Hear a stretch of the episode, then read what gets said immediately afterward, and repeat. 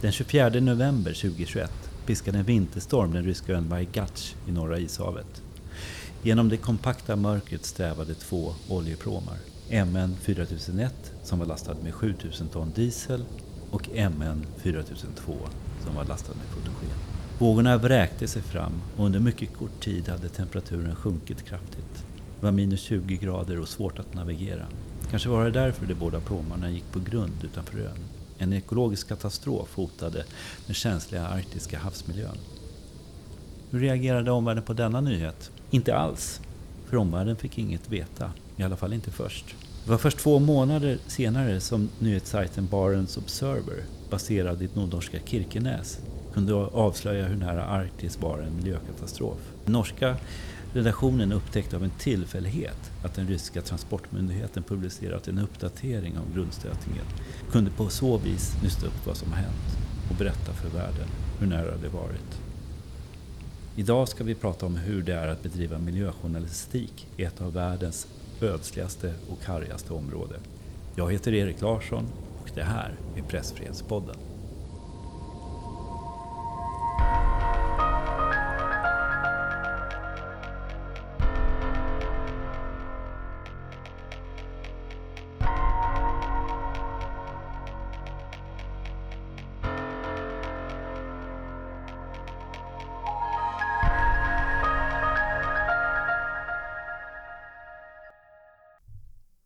Med oss idag har vi två personer som ska berätta om de utmaningar som miljöjournalister ställs för. Jag säger välkommen till Ivar Andersen som skrivit en rapport om miljöjournalistik i Barents hav för Reporter utan gränser. Men till vardags är redaktör för Arbetet Global. Välkommen! Tack så mycket, kul att vara här.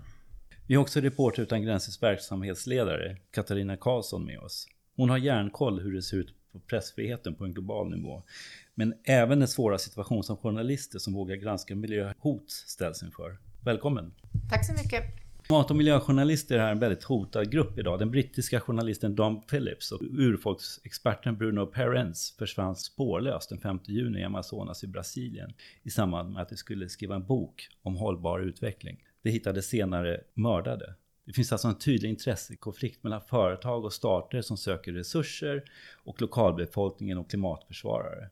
Kan du ge oss en liten bild av det här problemet, Katarina? Ja, det är inte så lätt att ge en liten bild, men om vi ska ta de allra största penseldragen så är det väl att stater och företag har mycket pengar och makt. Och det har inte journalister och medieföretag. Och i de här staterna, som i Brasilien, där man inte har ett demokratiskt styre, så är det extra farligt att vara journalist. Jag tänkte så här, ett av problemen med den här typen av journalistik det är att den måste bedrivas på väldigt avlägsna platser. En av jordens ödsligaste plats, det är det arktiska landskapet. Det är enorma vidder och det är svårt att förstå hur man kan ha koll på vad som händer där, där det knappast bor några människor alls. Men du Ivar, du har försökt att ta reda på hur journalister i den arktiska miljön jobbar. Berätta. Ja, precis. För den här rapporten för Reporter utan gräns, gränsers räkning så har vi intervjuat eh, 12 miljöjournalister i Barentsregionen. Tre från varje land som, eh, som ingår i den här regionen. Jag kanske bara ska nämna något om, om vad Barentsregionen är för någonting egentligen. För jag tänker att det är, det är inte ett begrepp man hör till vardags. Men eh, Barentsregionen är då de, de norra delarna av Sverige, Finland, Norge och sen eh, nordvästra Ryssland. Helt enkelt de delarna som ligger runt Barents hav. Och eh, till ytan så är det här ungefär eh, fyra gånger Sveriges storlek och ungefär halva Sveriges befolkning. Och den här regionen då, det är ett slags politiskt projekt i grunden. Man brukar säga att det, det inleddes den eh, 1 oktober 1987, så nästan på dagen för 35 år sedan, när det sovjetiska kommunistpartiets sista generalsekreterare Gorbatjov höll sitt berömda tal i Murmansk där han öppnade upp för, för mer samarbete kring miljö och säkerhetsfrågor kring Barents hav. Men som du säger Erik så är det, det är gigantiska avstånd här uppe och eh, det är långt, långt mellan redaktionerna. Det är få journalister, det är få stora redaktioner i Barentsregionen. Och eh, ett kort och lite deppigt svar på den där frågan är att eh, sannolikt så är det väldigt mycket som inte bevakas. Barents Observer som grävde upp den här historien om nästan-katastrofen i, i Barents hav. De säger ju att eh, sannolikt så är det, det, det sker ju tio sådana här grejer för varje sak vi får reda på. Så de, de miljöjournalister som finns i regionen är väldigt strävsamma, men det är i dubbel bemärkelse ett utmanande klimat. Mm. Eh, eh, jag tänkte på en annan sak. Alltså det, är, det är som vi sa, alltså det är väldigt stora landområden och det är ganska få människor som bor i de här områdena. Är det någon som läser den här rapporteringen? Det är en jättebra fråga. Ehm, I den här rapporten så tittar vi på, på en lång rad utmaningar och ehm, på grund av, ehm, på grund av vårt pressfrihetsfokus så, så kollar vi kanske allra mest på hinder i yrkesutövningen, påtryckningar, repression och liknande. Men ekonomin är ju kanske den allra största utmaningen.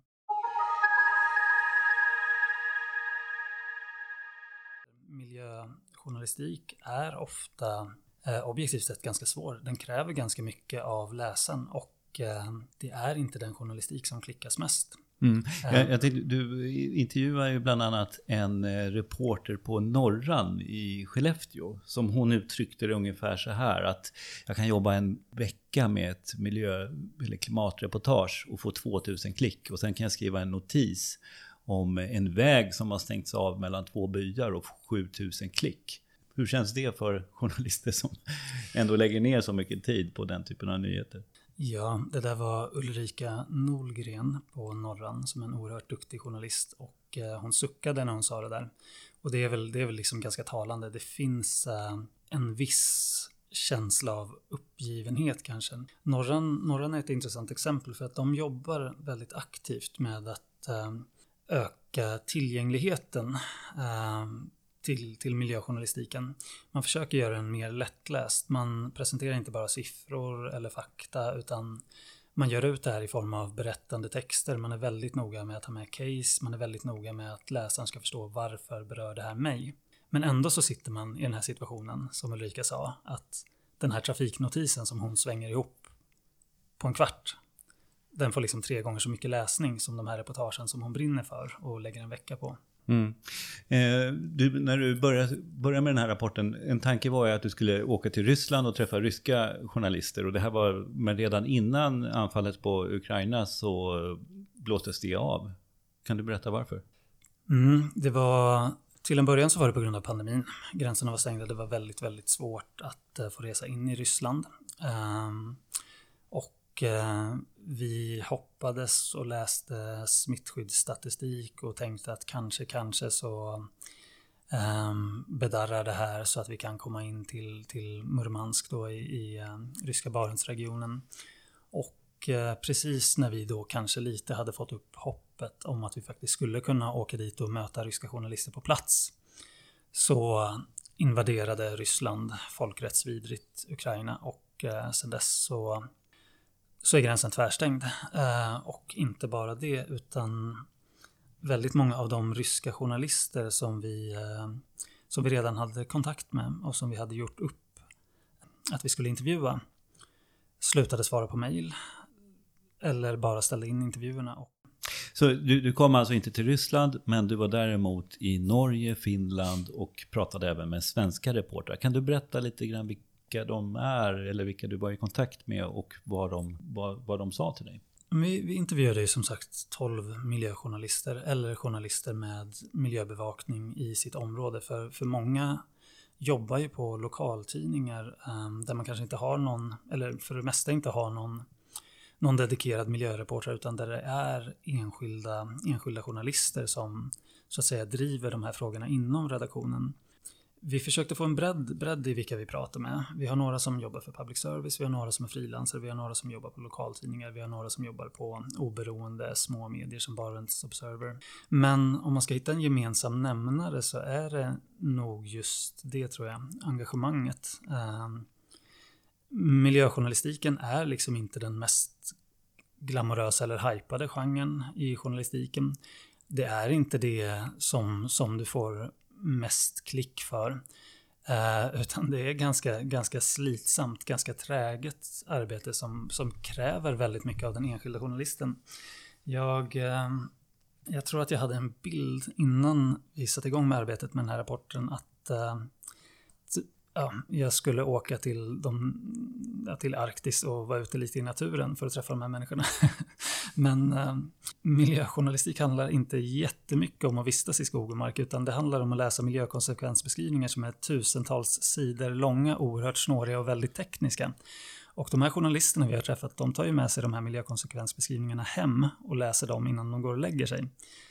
Det, det är en gemensam nämnare. Det är så jag skulle beskriva du, miljö. Du ligger hemma och funderar på klick och de här ligger och läser miljökonsekvensbeskrivningar. Ja, frågan är vem det är mest synd om. jag, tänkte på en annan sak. Alltså här, det, det finns ju flera företag och regioner och stater som, eh, eh, eller det finns flera företag och stater som agerar i den här regionen. Så ska det vara. Den här regionen blir ju allt mer ekonomiskt intressant för eh, ja, både stater och företag helt enkelt. Det här har vi också sett en ökad press. Jag tänkte på den här tidningen Barents Observer som avslöjade att det nästan inträffade den här miljökatastrofen. Eh, de har anklagats för att föra en antirysk agenda och deras rapportering har attackerats många gånger från ryska myndigheter. Kan du berätta lite grann om ryska myndigheternas agerande här mot den här typen av, av journalistik?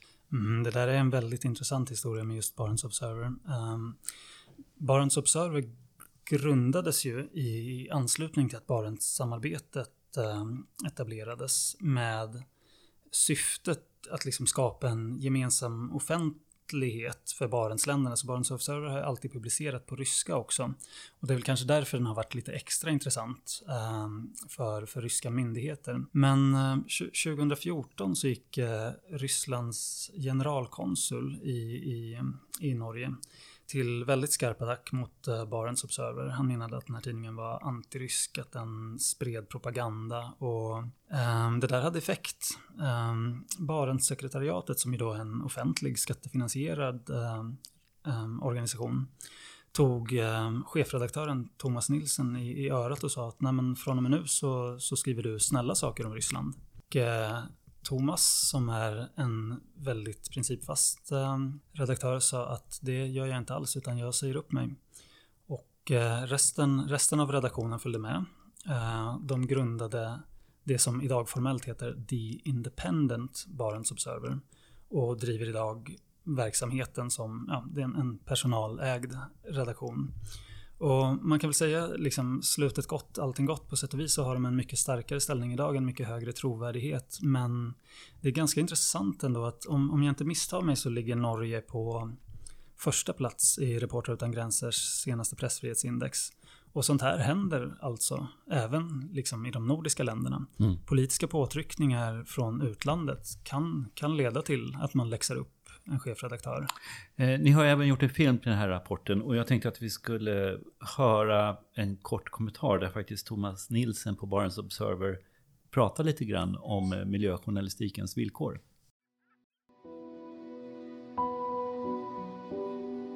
Det här är ju eh, Arktis. Vi, vi håller till eh, gott innanför Polarsirkeln med arktisk klima och natur. Sånn at eh, klimatfrågor eh, er jo det som eh, er høyest på agendaen og som har størst oppmerksomhet. Så det här er jo den delen på jorda hvor temperaturen øker mest. Så det er jo seks grader høyere temperatur her nå i gjennomsnitt enn det det var før den industrielle revolusjonen. Og det merkes. Det merkes på vinteren, det merkes på temperaturene, det merkes på isen, og det merkes på det maritime livet i Barentshavet. Det vi hörde här var alltså Thomas Nilsen på Barents Observer. Och han säger att klimatfrågorna är viktiga eftersom i den här delen av världen så märks klimatförändringarna mest. Temperaturen är 6 grader högre redan innan förindustriell tid.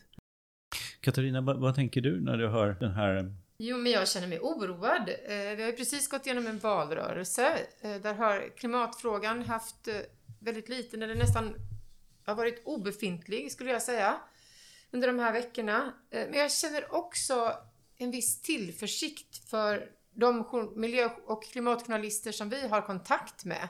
Jag tror inte de ger sig så lätt. De eh, kraftsamlar. Eh, när vi lanserade rapporten hade vi miljöjournalisten Lisa Röstlund med. hon jobbar på DN. Hon är i färd med att göra ett nätverk. Eh, miljöjournalister eh, funderar på hur de enklare ska kunna samarbeta, kanske sampublicera, få gemensamma resurser för att nå ut och kunna göra de här lite större jobben som kanske en liten tidning inte klarar av att göra själv. Och jag vet att på Barents Observer har man också pratat om att hur ska vi kunna kanske göra för att jobba med andra tidningar i området för att kunna göra de här större jobben och nå mm. ut. Mm. Ivar, hur var det med det samarbetet? Finns det några sådana kontakter mellan redaktionerna i det här området? Det är mer samarbete mellan enskilda journalister än mellan redaktioner.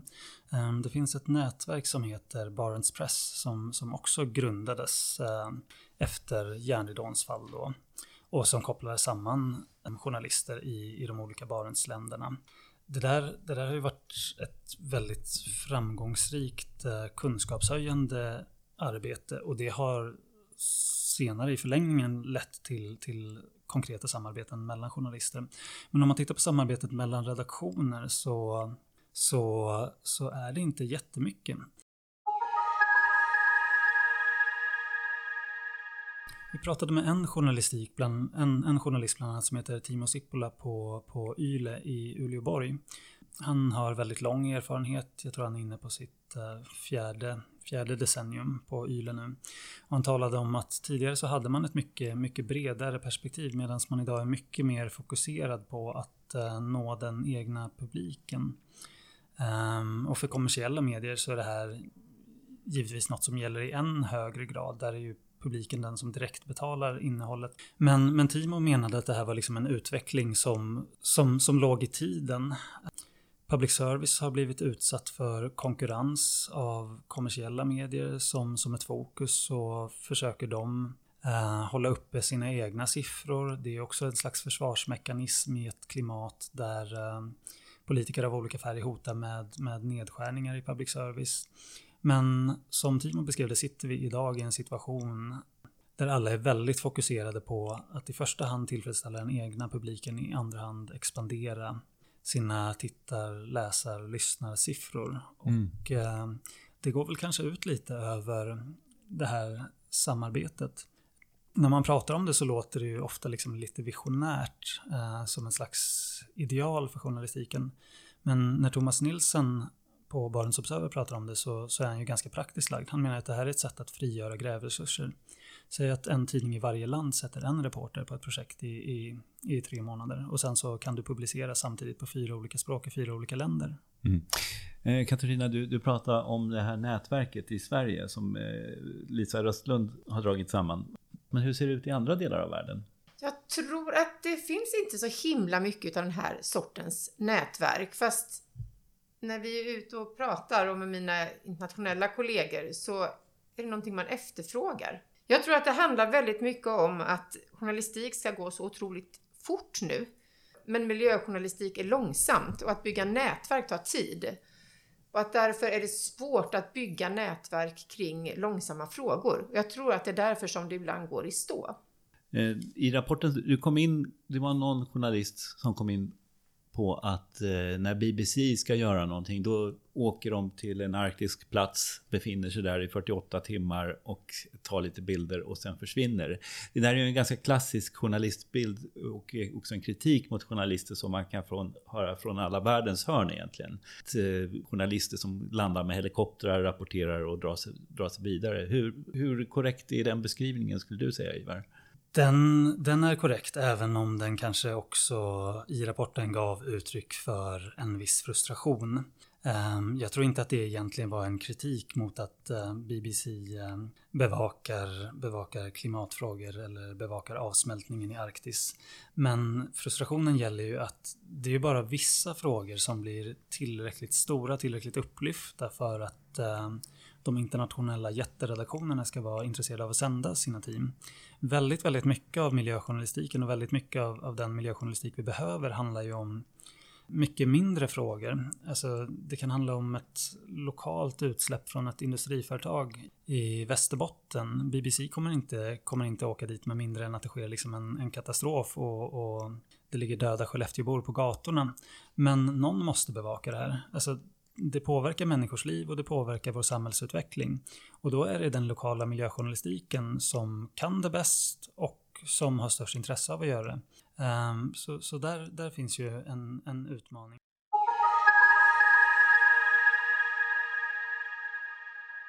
Det finns ju gemensamma nämnare. Om man tittar på många av de här företagen som, um, som miljöjournalister granskar så är ju de, um, de är ju multinationella. Eh, de rör sig ganska osentimentalt över landsgränser utifrån vad de tror att de kan, kan vinstmaximera. Så, så ofta är det ju liksom samma, samma kanske gruvföretag som är verksamt i, i alla Barentsländerna. Då finns det ju en gemensam nämnare. Då finns det ju ett gemensamt intresse. Men där kanske man måste vara strategisk. Man kanske inte kan samarbeta om... Det kanske helt enkelt inte finns läsarintresse för alla typer av samarbeten. Man kanske måste välja sina samarbeten kring, kring sånt som faktiskt kan beröra eller ha angelägenhet på, på flera håll.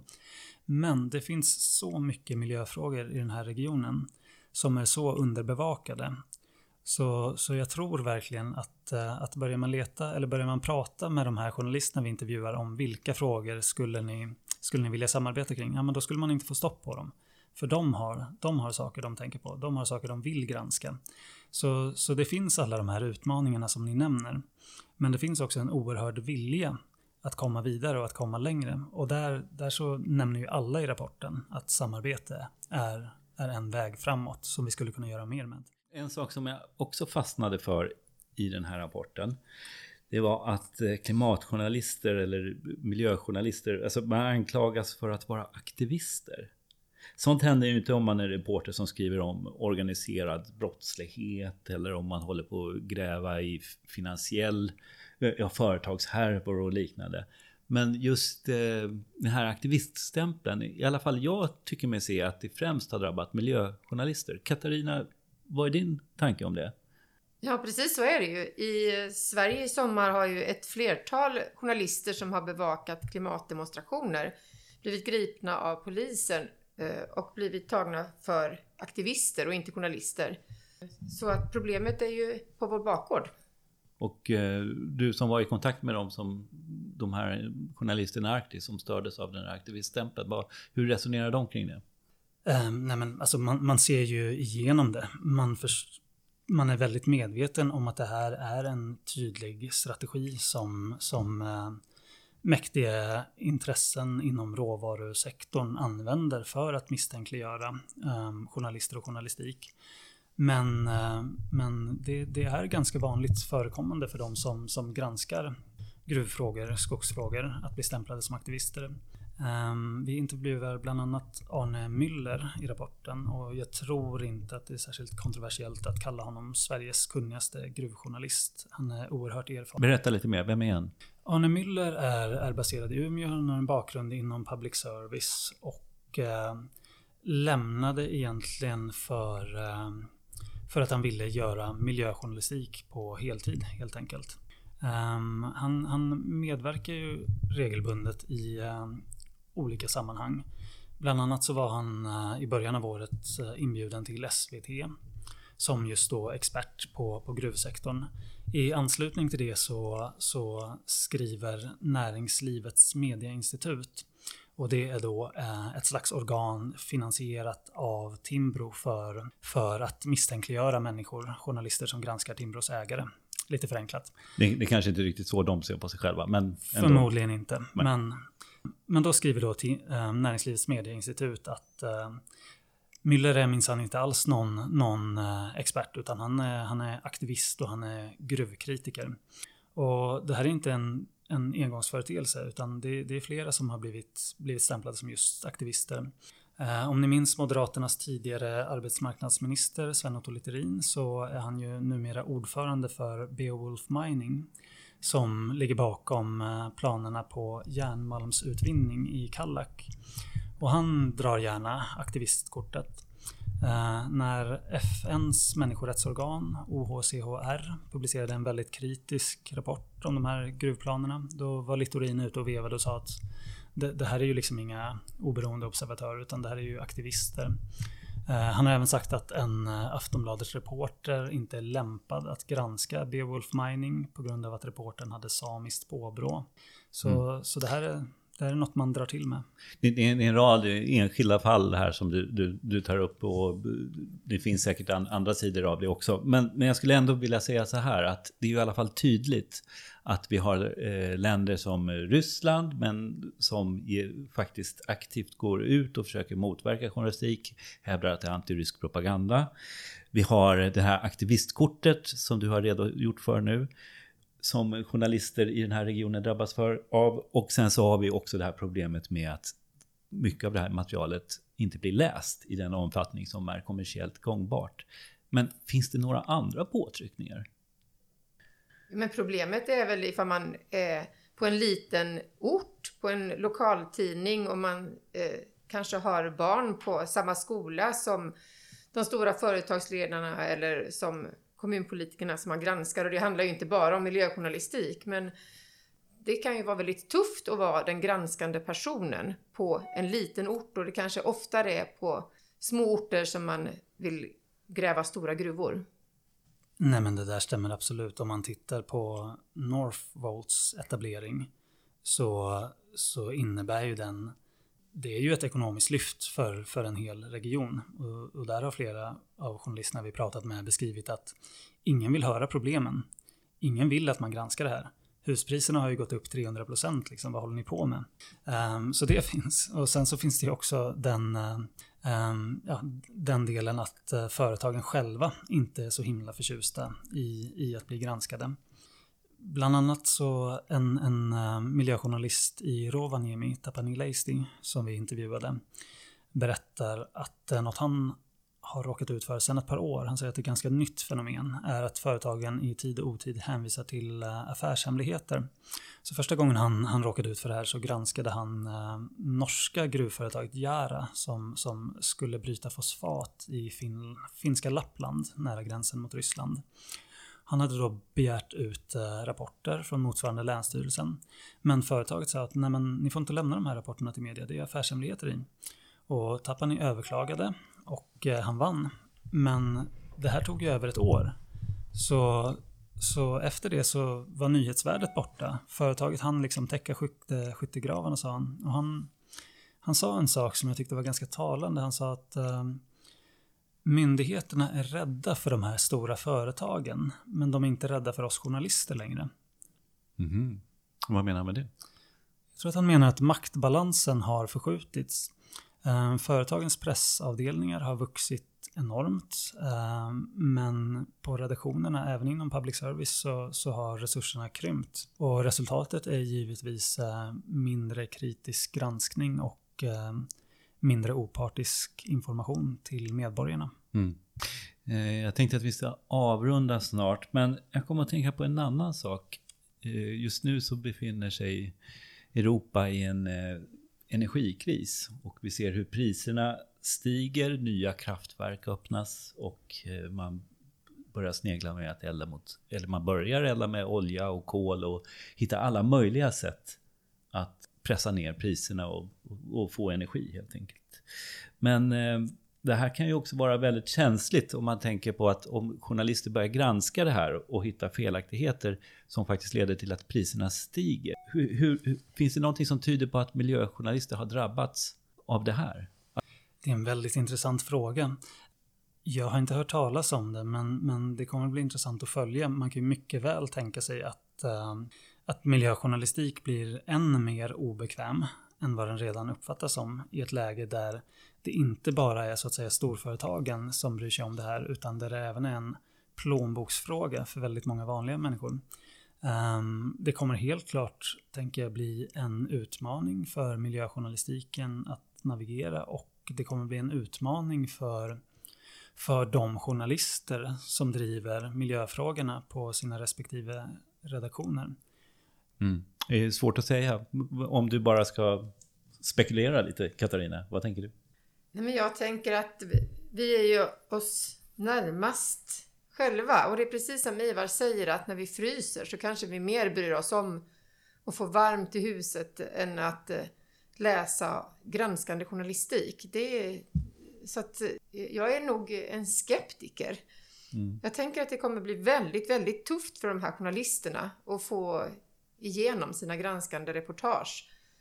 Jag är också en optimist, så jag vet att eh, mina kollegor där ute inte riktigt ger sig så lätt. De kommer fortsätta granska, men vi får väl se om de får utrymme. Mm. Ja, jag är också kluven och eh, vi får väl se om de får utrymme. Det återstår att se. Eh, tack för att ni kom hit, Ivar Andersen och Katarina Karlsson.